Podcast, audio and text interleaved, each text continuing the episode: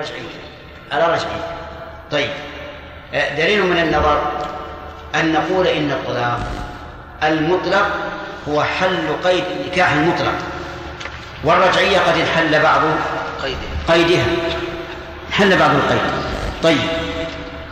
فلا يكون الطلاق الواقع عليها طلاقا وهذا القول الذي ذكره شيخ الإسلام هو الذي نراه راجحا. وعلى هذا فإذا قال رجل زوجته أنت طالق أنت طالق. انت طالق كم يكون؟ واحد. قال لها انت طالق اول يوم من الشهر؟ قال انت طالق في اليوم العاشر؟ قال انت طالق في اليوم العشرين؟ واحد. واحد, واحد. لأن الرجعية لا لا يقع بها طلاق طيب. يقول رحمه الله ولا يقع معتدة من خلع طلاق ولو واجهها به ولا يصح شرط الرجعة فيه أي في الخلع.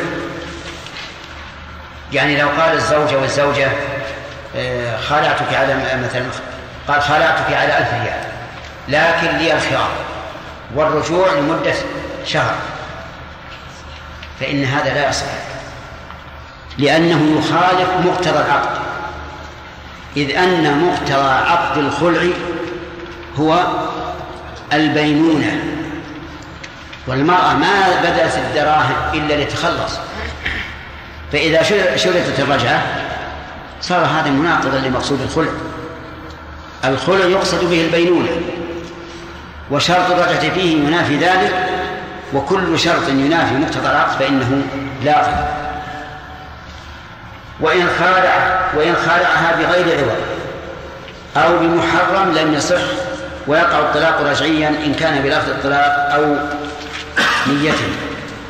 إن خالعها بغير عوض بأن جاء باثنين وقال اشهدا أني خالعت زوجتي. قالوا كم؟ قال بدون شيء خالعته يقول المؤلف إنه لا يصح. الدليل قوله تعالى فلا جناح عليهما فيما افتدت به وهنا لا فداء. واختار شيخ الإسلام رحمه الله أنه لا بأس بذلك. لأن غايته أنه فسخ لا رجعة فيه برضا إيش؟ برضا برضا, برضا الطرفين. وللبحث بقية لأنه مهم. وكأنه يبدو لي أنه ليس عندكم علم سابق في هذا المسألة. في هذه المسائل. نعم. والبعض ها؟ البعض والبعض البعض والأكثر. لا في أي شيخ أول مرة. إي نعم. نعم.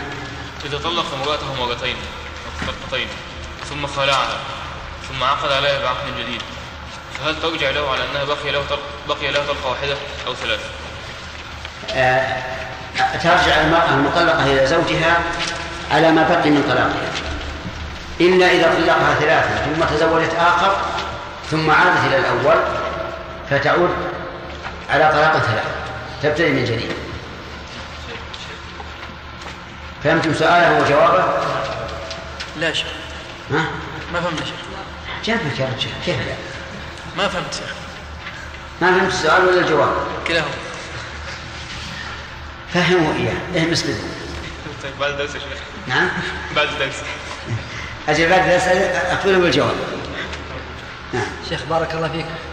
لو التزم فقهاء المذهب قالوا أن إذا أوقع علي أوقع عليها الطلقة الثانية وهي في العدة أنها تعتد من جديد. لا المذهب لا. تبني على الموافق شيخ لو التزموا بذلك؟ ما التزموا. ما التزموا بذلك. نفرض شيئا عليهم ما ما التزموا. نعم. الشيخ الله بعض النساء يصرون يعني إذا طلقت التطليقه الأولى تقول لا أرجع إليه وهذا طلقني بلا سبب هل نلزمها؟ يعني إذا أراد أن يرجعها. أم الحق لمن؟ يعني له الحق هو. طيب. لكنها لكن الله اشترط لا أن الله اشترط إن أرادوا إصلاح وعولتهن أحق بأرضهن في ذلك إن أرادوا إصلاح أما إن أراد تطويل المدة عليها كما كانوا يفعلون في الجاهلية. في الجاهلية يطلق الرجل المرأة فإذا شارفت على العدة إيش؟ راجعها ثم طلقها من أجل أن تطول العدة. فإذا شارفت العدة الثانية على القضاء الانتهاء إيش؟ راجعها ثم طلقها لتطول العدة فإذا قاربت الانتهاء راجعها ثم طلقها قبل أن يدخل عليها وقبل كل شيء. فتعتد من جديد. فإذا شاركت العدة راجعه ثم طلقها وتبقى أبد الآبدين هكذا. فحدد الله ذلك بماذا؟ الطلاق مرتان. فإن طلقها فلا تحل له بعد المرتين. وهذا رأفة بالزوج والزوجة. أما الزوج فلئلا تتضرر في الدنيا الزوجة فلئلا تتضرر في الدنيا وأما الزوج فلئلا يتضرر في الآخرة. ولهذا قال وبعولتهن أحق بردهن في ذلك متى؟ إن أرادوا إصلاحا وقال تعالى ولا تمسكوهن ضرارا لتعتدوا. نعم عبيد إيش؟ ما اتضح لي الجمع بين قول الرسول صلى الله عليه وسلم طلقت تطليقا وجعل عدتها وإيش وجعل؟ وجعل عدتها ثابت لا لا. اتضح لك هذا بأنه لم يصح ذاك الصحة أن الرسول أمرها تعتد بالحيض. وإلا لو صح هذا لكان فاصلا. بأن الرسول عليه الصلاة والسلام أراد بالتطليقة مجرد الفراق ولهذا نطالب منك نطلبك ونطالبك أن تأتي لنا بهذا الحديث على أنه صحيح. عرفت؟ نعم. اي إن شاء الله. تأتي متى؟ غدا ولا في درس الليل؟ الليلة؟ كيف وبعد غدا لك يومان طيب. اليوم اليوم الأحد. يوم الثلاثاء إن شاء الله تأتي به. نعم. شيخ عمر بن الخطاب لما جعل أوقات آه، تتم بآن واحد. هل نرجع عن حكم عمر ولا أي. هذه بارك فيك يقولون عمر رضي الله عنه. عمر رجل حازم. ساس الأمة بالحزم والقوة. ولهذا كان يتفقد الصفوف فإذا رأى إنسانا متقدم ومتأخر في الصف ضربه. نعم. لئلا يعود. فكان من حزمه أن الرجل إذا طلق زوجته ثلاثا قال تعال أنت اللي اخترت لنفسك. أنت الذي اخترت لنفسك. وتعجلت البينونة فنجعلها عليك. نحن ما ظلمناك وفعل هذا رضي الله عنه لأن أصل طلاق الثلاث حرام. محرم. فلما تمادى الناس في هذا المحرم رأى عمر بثاقب عزيمته وسياسته أن يمضيه عليه. ولهذا قال أرى الناس قد تعجلوا في أمر كانت لهم فيه آنات فلو أمضيناه عليهم فأمضاه. فيكون منعهم من الرجوع إلى الزوجة من باب التعزير. والعقوبة كما أنه منع من بيع أمهات الأولاد يعني المرأة المملوكة إذا جامعها سيدها وأتت بولد سميت أم ولد وكانت في عهد الرسول عليه الصلاة والسلام تباع أمهات الأولاد. وكذلك في عهد أبي بكر. في عهد عمر قال لا تباع. لأنه رأى الناس قل فيهم الخوف.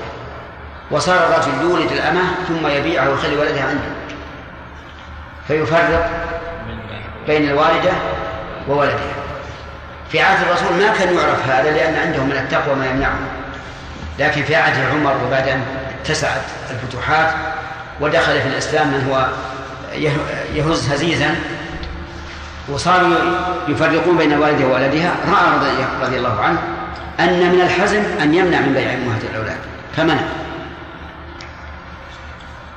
في شرب الخمر كان في عهد الرسول عليه الصلاة والسلام لا يوجد الإنسان عددا معينا يضرب بالجريد جاء أمام الناس هذا يضرب بيده وهذا بثوبه وهذا بنعله وهذا بعصاه ثم في عهد أبي بكر حدد أربعين جلدة ثم في عهد عمر كثر الشرب والسبب أن الناس انفتحوا ودخل في الإسلام من كان يهز هزيزا وكثر شرب الخمر.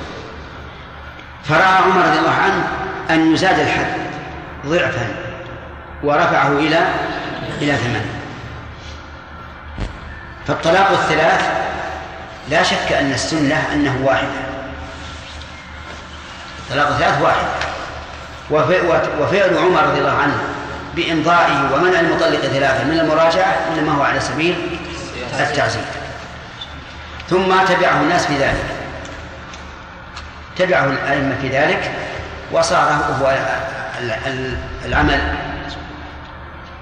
حتى إن بعضهم حكى الإجماع على أن الطلاق الثلاث طلاق بائن.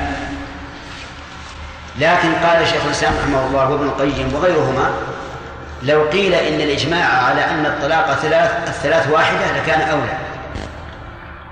ليش؟ لأنه في عهد الرسول. وعهد أبي بكر وسنة من خلافة عمر الطلاق ثلاث واحدة. أي إجماع أقوى من هذا الإجماع؟ نعم. لكن فعله عمر تعزيرا. وبناء على ذلك رأينا أن الإنسان أنا شخصيا إذا جاء إنسان مطلق ثلاث بالأول ثم طلق في الثاني ثلاثا ما ما ما أرد عليه زوجته. لأنه متهاون. فإذا كان لأول مرة أرد عليه الزوجة. اتباعا لسنة الرسول عليه الصلاة والسلام وسنة أبي بكر. إذا كرر واستهان بحرمات الله أمنعه من الرجوع اتباعا لمن؟ لسنة عمر. فأكون آخذا بالسنتين.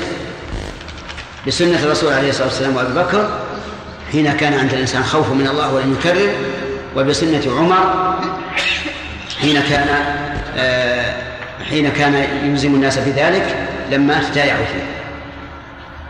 انتهى الوقت. انتهى الوقت. انتهى. تستأذن طيب. وله مع الحمل والمتاع والعدل وله مع عدم الحمل والمتاع والعبد أقل من مسمى أقل من مسمى. أقل مسمى. أقل مسمى. ومع عدم الدراهم ثلاثة. بسم الله الرحمن الرحيم. الحمد لله رب العالمين. وصلى الله وسلم على نبينا محمد وعلى آله وأصحابه. ومن تبعهم بإحسان إلى يوم الدين. آه، سبق لنا أن الخلع هو فراق الزوجة بعوض بألفاظ معلومة وأنه لا ينقص عدد الطلاق أي لا يحسب منه. وأنه طلاق وأنه فراق بائن بمعنى أن الزوجة لا تحل لزوجها ولو في أثناء العدة إلا بعقد جديد. وهذا هو فائدة الخلع أنها لا تحل له إلا بعقد جديد لأن لأن المرأة حين بذلت الخلع بذلت العوض افتدت نفسها بذلك. ولو قلنا بأن لزوجها الرجوع لم يكن للخلع فائدة. إذا خلاصة يعني ما سبق الخلع هو فراق الزوجة بعوض بألفاظ معلومة. الخلع فراق بائن لا تحل به المرأة ولو في العدة إلا بعقد جديد. ثالثا الخلع لا يحسب من الطلاق. فلو طلق المرأة الرجل امرأته مرتين ثم خلعها فإنها لا تبين منه بينونة كبرى لأن الخلع ليس ليس بالطلاق. طيب إذا إذا وقع الخلع بلفظ الطلاق فهو طلاق يحسب منه على رأي جمهور العلماء وقال شيخ الإسلام ابن تيمية تبعا لعبد الله بن عباس رضي الله عنهما إنه لا يكون طلاقا ولو وقع بلفظ الطلاق اعتبارا بأن بالفدية التي افتدت نفسها به. طيب و وسبق لنا أنه لو طلقها وهي في عدتها من الخلع فإنه لا يقع الطلاق عليها. لأنه لأن الخلع إيش؟ فراق بائن. فلو طلق المختلع المختلعة في العدة لم تحسب. طيب وإن طلق المطلقة في العدة فجمهور العلماء على أنه يقع والصحيح أنه لا يقع الطلاق في في أثناء العدة. ثم قال المؤلف رحمه الله وإن خالعها بغير عوض أو بمحرم لم يصح. إن خالعها بغير عوض لم يصح. مثل أن يقول أشهدكم أني خالعت زوجتي بدون عوض. يعني لم يعطه أحد عوضا فإنه لا يصح. ولا يكون فراق ولا طلاق ولا شيء. لأن الخلع فراق بإيش؟ بعوض. فإذا قال خالعت زوجتي ولم يكن هناك عوض فإنه لا يصح. كذلك أيضا إذا خالعها بمحرم مثل أن خالعها بخمر يعني أنها بذلت له خمرا ليطلقها ليخالعها ففعل فإن الخلع لا يصح. ولو خالعته على كراتين من الدخان. الدخان معروف؟ حرام ولا غير حرام؟ طيب فإن الخلع لا يصح لأن عوضه محرم. طيب وهل يقع طلاقا؟ بين المؤلف ذلك قال ويقع الطلاق رجعيا إن كان بلفظ الطلاق أو نيته. يقع الطلاق رجعيا إن كان بلفظ الطلاق أو نيته. يعني مثلا هو؟ بذلت له عوضا محرما.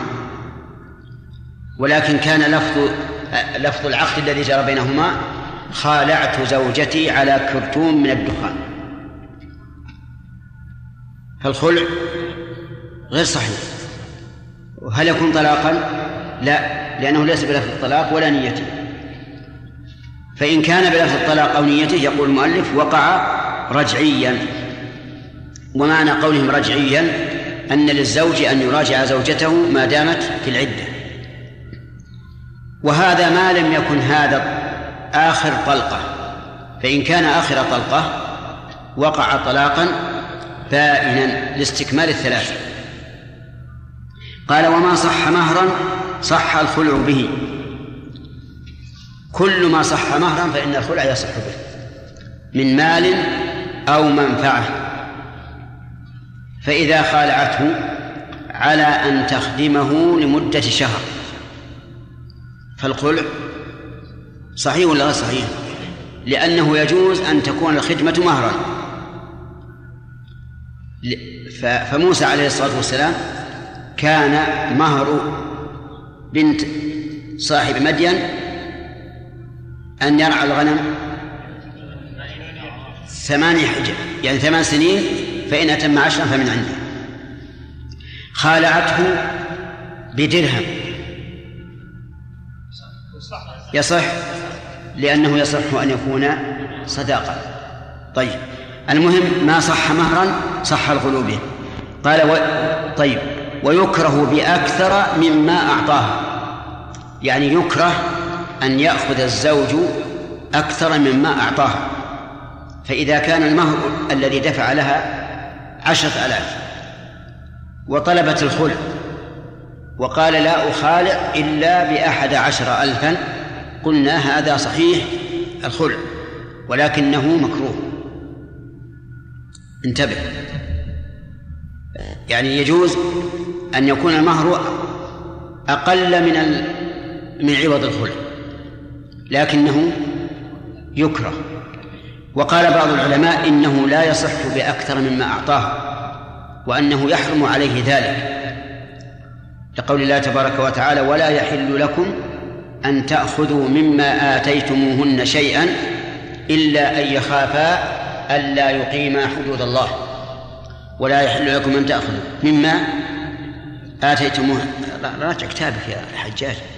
ولا يحل لكم أن تأخذوا مما آتيتموهن شيئا إلا أن يخافا ألا يقيما حدود الله. فإن خفتم ألا يقيما حدود الله فلا جناح عليهما فيما افتدت به.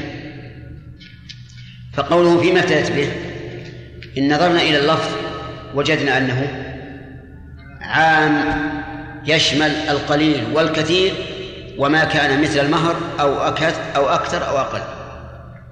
وإن نظرنا إلى أول الآية ولا تأخذوا مما آتيتموهن شيئا إلا أن يخاف ألا يقيم حدود الله قلنا فيما افتدت به مما أعطاه. ولهذا اختلف العلماء في هذه المسألة. منهم من قال إنه يصح بأكثر مما أعطاها لكن مع الكراهة ومنهم من يقول إنه لا يحل له أن يأخذ أكثر مما أعطاه. لأن الرسول عليه الصلاة والسلام قال لها المهر بما استحل من فرجها. وقد استحل فرجها فاستحقت المهر كاملا. فإذا تضررت بالبقاء معه ودفعت له عوضا فلا ينبغي أن يأخذ أكثر مما أعطاها لأن حينئذ يكون كأنه متجر بفرج هذه المرأة قال وإن خالعت حامل بنفقة عدتها صح. إن خلعت حامل بنفقة عدتها صح. معنى ذلك أن الإنسان إذا طلق زوجته وهي حامل وجب عليه إيش؟ أن ينفق عليها لقوله تعالى وإن في في سورة الطلاق وإن كن أولات حمل فأنفقوا عليهن حتى يضعن حملهن. فإذا قالت امرأة زوجها خالعني ولا ولا تتحمل نفقة الحمل. يقول المؤلف إن هذا صحيح. لأنها خالعته بعوض في الواقع إذ أنه لو لم تخالعه لوجب عليه أن أن ينفق. ويصح بالمجهول يعني يصح الخلع بالعوض المجهول. ووجه ذلك أنه ليس المقصود بالعوض عوض الخلع المتاجرة المالية وإنما المقصود الفراق بخلاف البيع. بخلاف البيع والشراء فإنه يقصد به العوض ولهذا كان لا بد فيه من العلم والتحرير. أما هذا فلا. مثال المجهول قال فإن خالعته على حمل شجرتها. حمل شجرتها يعني قالت خالعتك على ما تحمله نخلتي هذا العام. فهنا العوض مجهول لا شك. ما ندري هل تحمل كثيرا أو قليلا أو لا تحمل.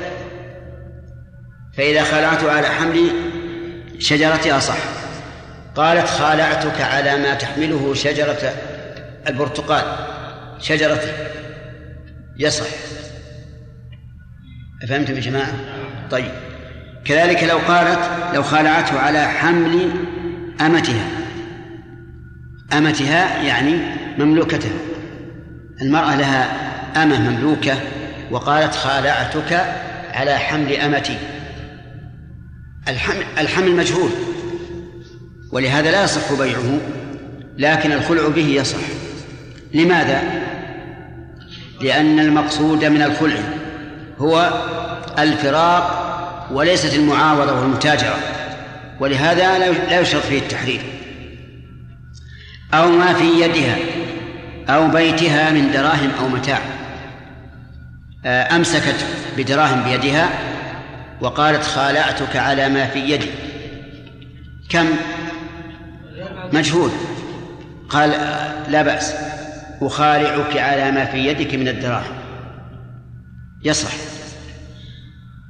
في معه ربط الدراهم ورق. قالت خالعتك على هذه الربطة من الدراهم وهو لا يدري كم عدده. يصح. العلة أن المقصود بالخلع هو الفراق لا المعاوضة. كذلك ما في بيتها من من من دراهم أو متاع. وقوله من دراهم يعود على قوله ما في يدها. أو متاع يعود على قوله ما في بيتها. قالت خالعتك على ما في بيتي من المتاع يعني أواني قدور أباريق فناجيل فرش. وهو يجهل ذلك. نقول إن هذا صحيح. والعلة ما ما سمعته نعم وله نعم أو على عبد خالعته على عبد. طيب إيش العبد؟ كبير صغير متعلم أمي كاتب غير كاتب. مجهول لا بأس. ما في مانع. والعلة؟ إيش؟ أن المقصود بالخلع هو الفراق دون الاتجار.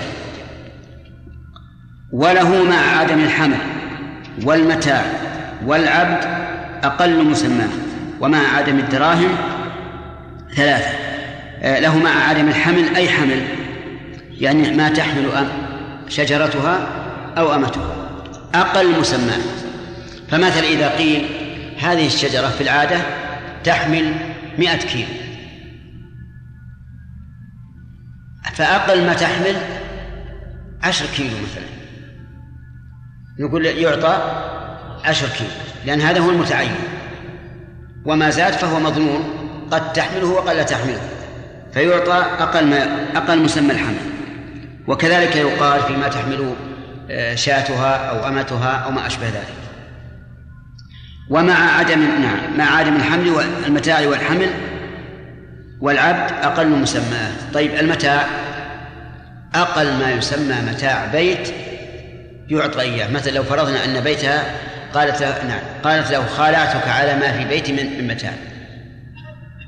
دخلنا البيت ما وجدنا فيه شيئا. وجدنا أنها قد نقلت جميع المتاع. نقول تعطى أقل ما يكون من أمتعة البيت. من فرش وأواني ونحو ذلك. ومع عدم ومع عدم الدراهم ثلاثة. ليش الدراهم قلنا ثلاثة؟ لأنها أقل جمع وهي قالت ما في ما في يدها من دراهم. فنقول أقل الجمع ثلاثة. لو أن لو أنها قالت هكذا. خلعتك على ما في يدي من الدراهم. نعم. ثم فتحت اليد ولا ما فيها شيء. يلزمها ثلاث دراهم لأن هذه أقل الجمع. وقيل لا يلزمها إلا درهم واحد لأن من هنا لبيان الجنس لا لبيان العدد. على ما في يدها من الدراهم. ما, في إلا درهم واحد يمكن. يعني لو لم لو لم يوجد في يدها الآن إلا درهم واحد هل نقول كم من الثلاثة؟ عجيب يا جماعة. لا إذن أقل مسمى درهم واحد. وهذا القول هو الراجح. ثم قال فصل وإذا قال متى أو إذا أو إن أعطيتني ألفا فأنت طالق طلقت بعطيته وإن تراخى. إذا قال متى أعطيتني ألفا فأنت طالق. أعطيتني ولا أعطيتيني؟ أعطيتني. والياء توجد لكن اللغة قليلة قليلة قليلة. واللغة الفصحى أعطيتني لأنه فرق بين المذكر والمؤنث بكسر التاء أو فتحها أو ضمها. نعم أو فتحها بكسر التاء أو فتحها. تقول في الرجل أعطيتني في المرأة أعطيتني وأما أعطيتيني فهي قليلة جدا. إن متى أعطيتني ألفا فأنت طالب. ذهبت واستقرضت وأتت بألف بعد يوم أو يومين. يصح؟ لأنه لم يقيد. قال متى أعطيتني ألفا فأنت طالق؟ فأعطته ألفا. قال لها إذا أعطيتني ألفا فأنت طالق. أعطته ألفا حالا. تطلق بعد يوم أو يومين أو شهر أو شهرين تطلق. طيب. إن أعطيتني ألفا فأنت طالق. الحكم واحد كالأول. لكن هل له أن يرجع أو لا؟ ليس له أن يرجع. لأن هذا طلاق. طلاق معلق. والطلاق ينفذ. فلا رجوع فيه. وهذا هو الذي عليه جمهور العلماء أنه لا يملك الرجوع. واختار شيخ الإسلام ابن تيمية رحمه الله أنه يملك الرجوع. ما لم تعطه فإن أعطته وقع الطلاق ولا يمكن الرجوع. يقول طلقت بعطيته وإن تراخى وقال وإن قالت اخلعني على ألف أو بألف أو ولك ألف ففعل بانت واستحقها. نعم. إذا قالت اخلعني على ألف. أو بألف. أو ولك ألف. ففعل بانت. إيش معنى بانت؟ لا لا. حصل الفراق البائن. لأن الخل ليس طلاقا. وهي تقول اخلعني على ألف. فإذا بانت استحق الألف لأنه أعطاها ما, ما شرطت. و وطلقني واحدة بألف فطلقها ثلاثا استحقها وعكسه بعكسه إلا في واحدة بقيت. قالت له طلقني واحدة بألف. طلقني واحدة بألف قال أنت طالق أنت طالق أنت طالق يريد ثلاثة. يستحق الألف؟ نعم. يقول المؤلف يستحق الألف لأنه طلقها واحدة وزاد. فتبين ويستحقها. تبين منه بينونة كبرى ويستحقها. يستحق إيش؟ الألف. لأنه زادها عما طلبت. هي طلبت طلاقا وهو أعطاها طلاقا وبينونة فقد وفى لها بما ذكرت.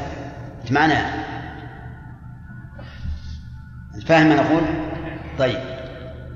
وقيل إنه إذا طلقها ثلاثا لا, لا يستحقها. لأن طلاق الثلاث تكون به بينونة كبرى. والزوجة قد لا تريد البينونة الكبرى. قد تريد أن تتخلص منه الآن وفيما بعد يقلب الله القلب. فاهم يا عبد الله؟ إيش قلنا؟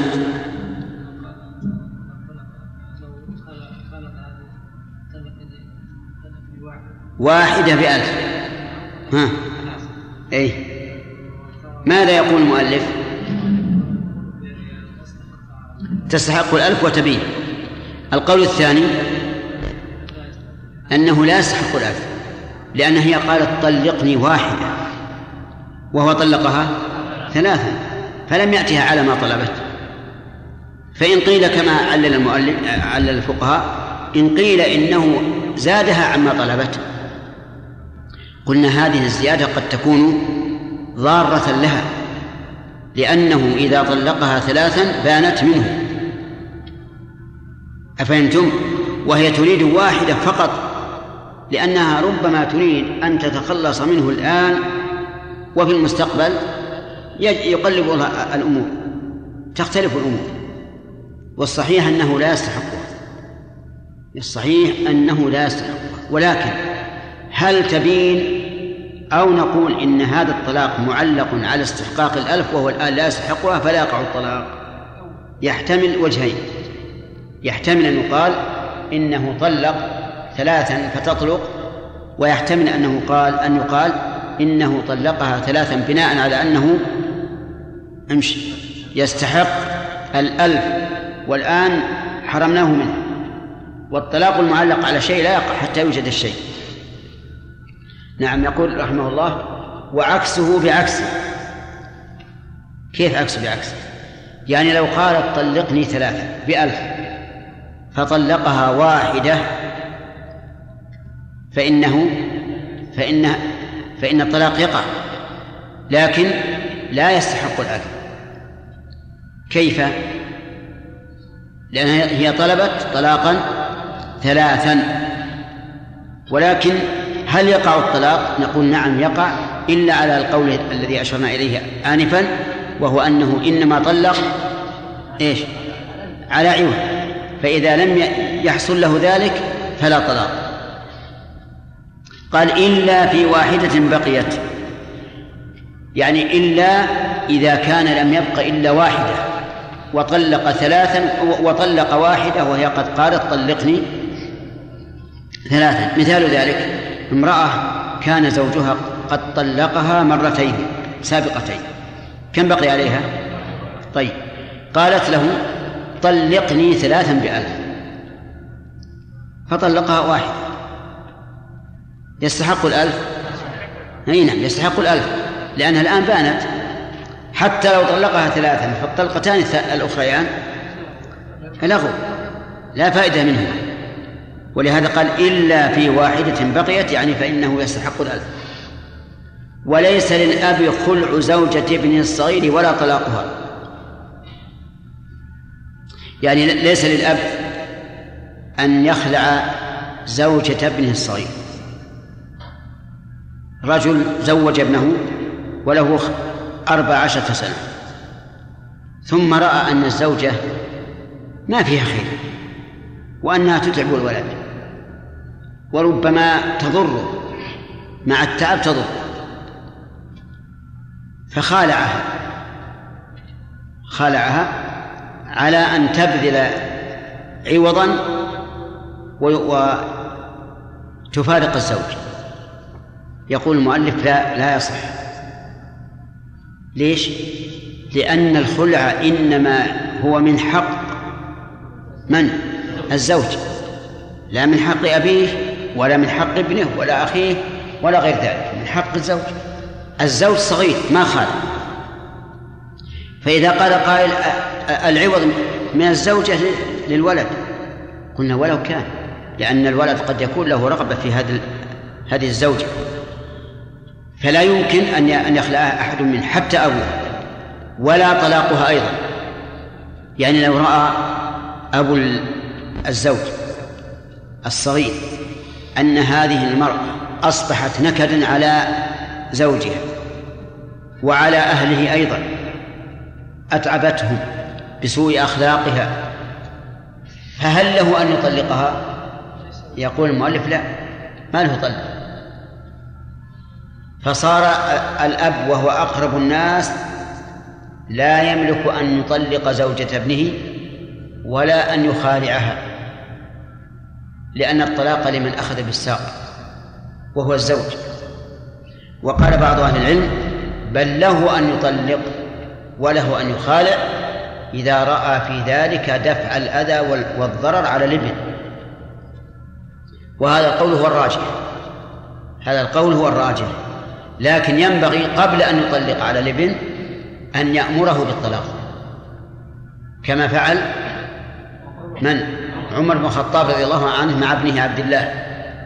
فإذا أبى أن يطلق وعرفنا أن هذه الزوجة لا خير فيها تجر الويلات على الولد وتجر الويلات على أهله والسمعة السيئة فحينئذ لا بد لا بد أن نقول إن الأب له أن يطلق زوجة ابنه. أحمد. ما الذي قلنا؟ ها؟ هل يجوز للوالد أن يطلق زوجة زوجة ابنه؟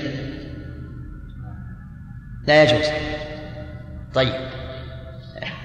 هل يجوز للوالد أن يخ... أن يخالع زوجة ابنه؟ أي أن يخالع زوجة ابنه. يعني معناه يفارقها بالرضا لا. لماذا؟ تعليل عند الأخ.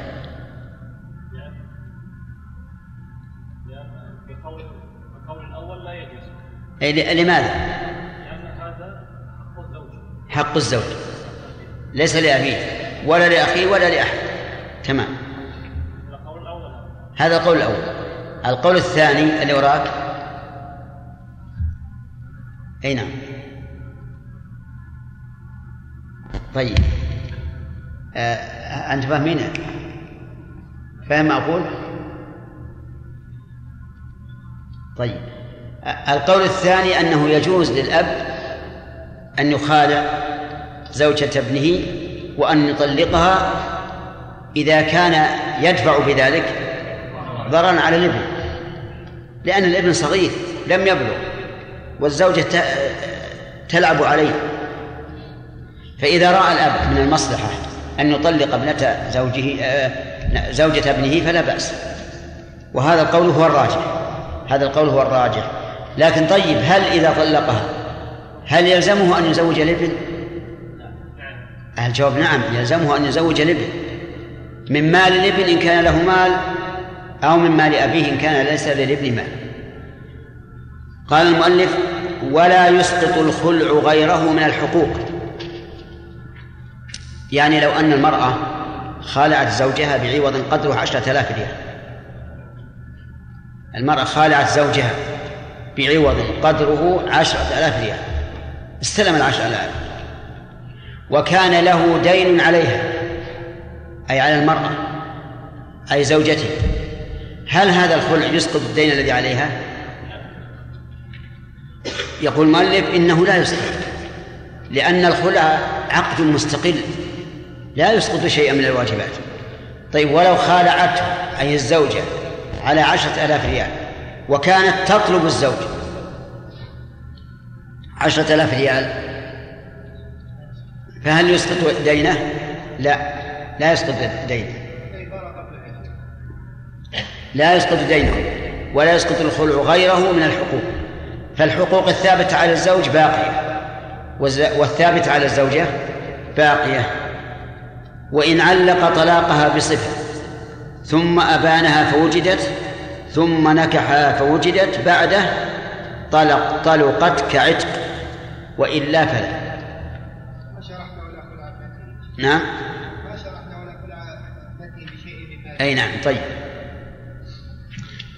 يقول المؤلف ليس لا بخلع زوجة من الصغير ولا طلاقها ولا خلع ابنته بشيء من ماله. يعني وليس للأب أن يخلع ابنته من زوجها بشيء من ماله. لأنه ليس له أن أن يتبرع بشيء من ماله. لكن إذا أراد أن لا يخسر شيئا نقول تملك أولا من مال ابنتك ما شئت ثم خالع به. أما أن تخالع بشيء من مالها بدون تملك فلا. فإن قال أنا خالعتها من زوجها فداء لها لأن زوجها أتعبها وخلي إياه من المصلحة. قلنا في هذه الحال لا بأس. إذا رأى الأب أن زوج أن ابنته لا يمكن أن تبقى مع زوجها ورأى من مصلحتها ودافع الضرر عنها أن يخالعها بشيء من مالها هي فالصواب أن ذلك جائز. لأنه لأنه لدفع الأذى عن البنت أو للمصلحة أما على المذهب فلا أصل لكن طريق ذلك على المذهب أن إيش؟ يتملك من مالها ما يكون به الخلع ثم يخالع عليه انتبه المسألة الأخيرة يقول وإن علق طلاقها بصفة ثم أبانها فوجدت ثم نكحها فوجدت بعده طلقت كعتق وإلا فلا. آه، رجل قال لزوجته إن كلمت فلانا فأنت طالق. إن كلمت فلانا فأنت طالق. كلمته قبل أن يطلقها تطلق؟ طيب. كلمته بعد الطلاق لكن في حال العدة. تطلق. كيف؟ الرجية زوجة. الرجية زوجة. هو طلقها وهي الآن في العدة فكلمت الرجل. تطلق. كلمت الرجل بعد أن انتهت العدة. تطلق. ها؟ أنتم فاهمين يا جماعة؟ رجل قال لزوجته إن كلمت فلانا فأنت طالق. كلمته قبل أن يطلقها تطلق ولا لا؟ تطلق على الراجح والمرجوح. قبل أن يطلقها. طيب. طلقها طلاق رجل. ثم كلمته بالعدة. تطلق؟ تطلق. طيب. طلقها واعتدت وانتهت العدة ثم كلمته. ثم كلمت كلمته أي كلمت الرجل بعد العقد عليها. تطلق أو لا؟ تطلق. تطلق يا أخوان. هو عقد جديد. هذا هذا هو. اسمع المؤلف إيش يقول. إن علق طلاقها بصفة. يعني بأي شيء. ثم ثم أبانها فوجدت. متى وجدت؟ بعد البينونة. طيب. فوجدت ثم نكح. من جديد فوجدت بعده أي بعد النكاح الثاني طلقت.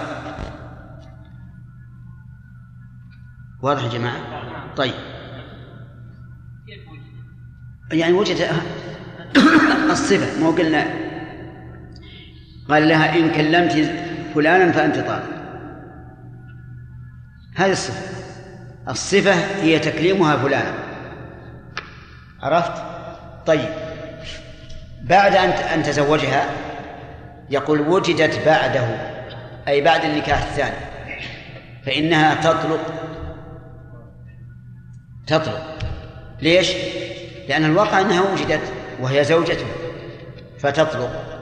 وقيل إنها لا تطلق لأن لأن الطلاق إنما كان في في نكاح سابق والنكاح السابق بانت منه. وهذا نكاح جديد. فلا تطلق لأن لأن الله تعالى إنما جعل الطلاق بعد النكاح. يا أيها الذين آمنوا إذا نكحتم المؤمنات ثم طلقتموهن فلا طلاق قبل النكاح.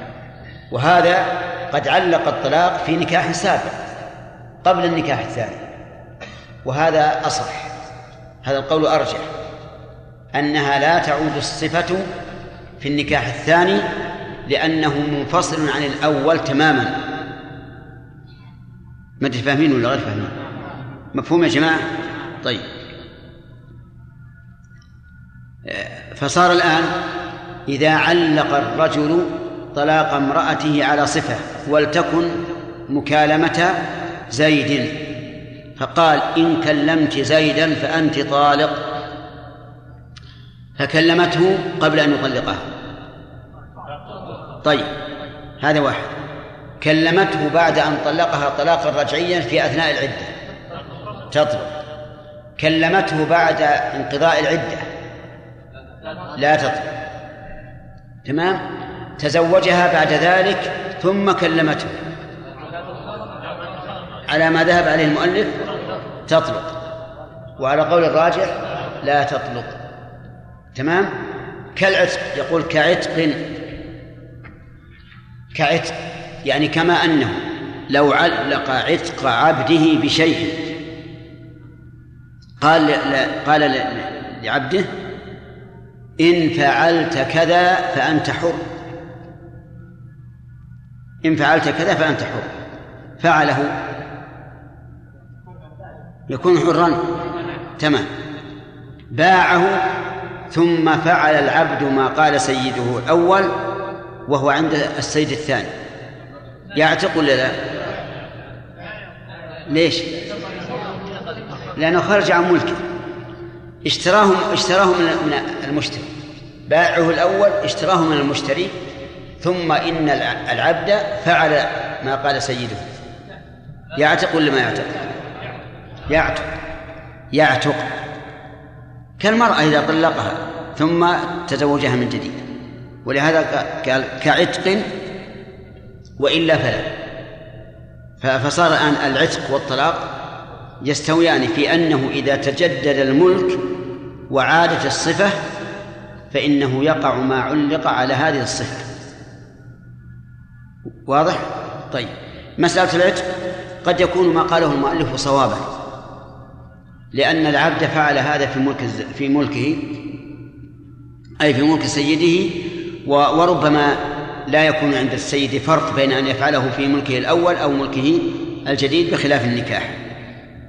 قال وإلا فلا يعني وإلا توجد وإلا توجد الصفة بعد عودها إلى زوجها فإنها لا تطلق.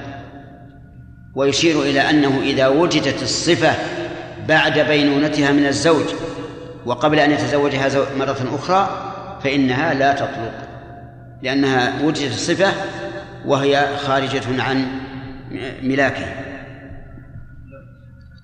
نعم أحسن الله إليك إذا خالع عن ثم فسد هذا؟ كيف فسد؟ لأن إذا كانت شجرة لم تفسد وإذا كان جنينا لأمة هذه ذكرها المؤلف وشرحناه إذا ماذا قال المؤلف؟ أقل مسمى يعطى أقل مسمى يعطى أقل ثانية أي نعم بارك الله فيكم ما اختاره شيخ الاسلام ابن تيميه في تعليقه على صفه العطاء مثلا اعطاها ان طلقها قال انه اذا لم يحصل هذا فله ان عن ذلك. فله أن يلغي هذا ما دام لم يعط لم تعطيه ذلك. نعم. هل هذا قاعدة مضطردة في كل تعليق؟ إي نعم هو هو يرى هذا. يرى كل تعليق له أن يرجع فيه. طيب ما رجع ما يعني ما الذي يرجع؟ يجوز أن يذكر الرجل القولين ولا يرجع. نعم لكن ما الذي انت ما دام يجوز أنا في حل نعم. تصور. يقع في الحال. ما قال لها إن طرت. ها يعني على شيء لا بد منه. مو على شيء مستحيل. إي نعم. ما يخالف. إذا اكلت ما يتأخر الطلاق يعني. مثلا إذا كان لو هو عارف إنه إن لابد أن تاكل إذا لابد من الطلاق. فبدل من يقول أنت طالق الآن ياجل حتى تجوع وتأكل. لكن لو قال إن طرت فأنت طالق ها؟ في الحال؟ لا هو يقول إن طرت. ما يمكن؟ صحيح. تمام.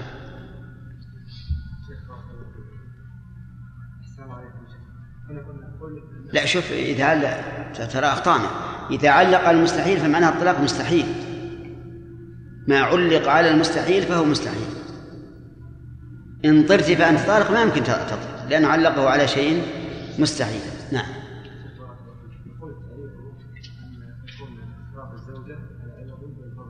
نعم. الفرق بينهما أن الطلاق يحسب من الطلاق. هذا أهم الفروق.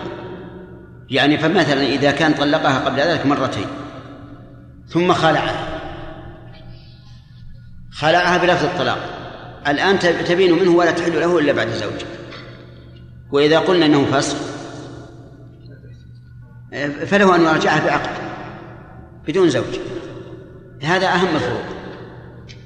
ولا هناك فروق أخرى مثل العدة؟ نعم.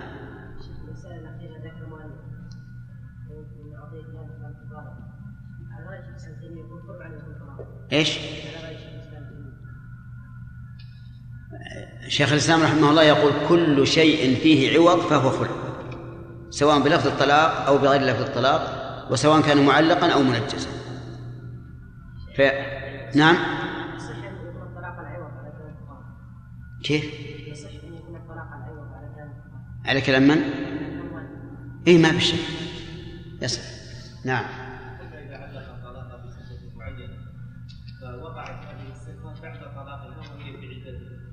نعم نعم على إيش؟ هل هذا الوقوع وقوع الطلاق الثاني يعني وهي حصل- حصلت الصفة وهي في عدتها بعد أن طلقها نعم هل نحن قلنا بأنها تطلق هل هذا مبني على الخلاف في مسألة الطلاق الثلاث؟ لأننا قلنا سابقا أن الصحيح الصحيح أن أن الطلاق في أثناء ال- ال- العدة لا ليس كذلك هذا يفارق ما سبق بأن قوله إن فعلت كذا فأنت طالق لم يتعين أن يكون في العدة بخلاف ما إذا جزه فيتعين. ولهذا لا يمكن أن نبنيه على ذلك ما هو محل تردد. نعم. وما صح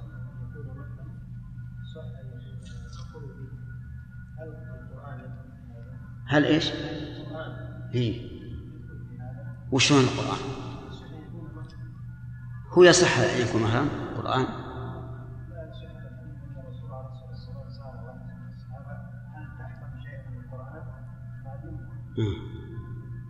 بعدين لكن المؤلف وش يقول؟ هل قال ان ان إن القرآن يصح أن يكون مهرا؟ ما هو هنا إلا في الصداقة لأن لأن, لما قال ما صح مهر صح الخلع به يعني إذا لابد نرجع للصداقة. هل المؤلف يرى أنه يصح أن يكون تعليم القرآن صداقا؟ لا تدري. ماذا تقولون؟ يرى أنه لا يصح أن يكون تعليم القرآن صداقا. هو مر علينا نعم إيه هو منفعة لك- لكن القرآن يقولون إن تعليم القرآن من القرب والقرب لا يصح أن تكون عوضا لأنها لا بد أن تكون خالصة لله. وهذا مر علينا يا إخواني. وإذا إي نعم وإذا كان الخلاف في هذه المسألة وأن القول الراجح أنه يصح لأن الرسول قال زوجتك بما معك من القرآن.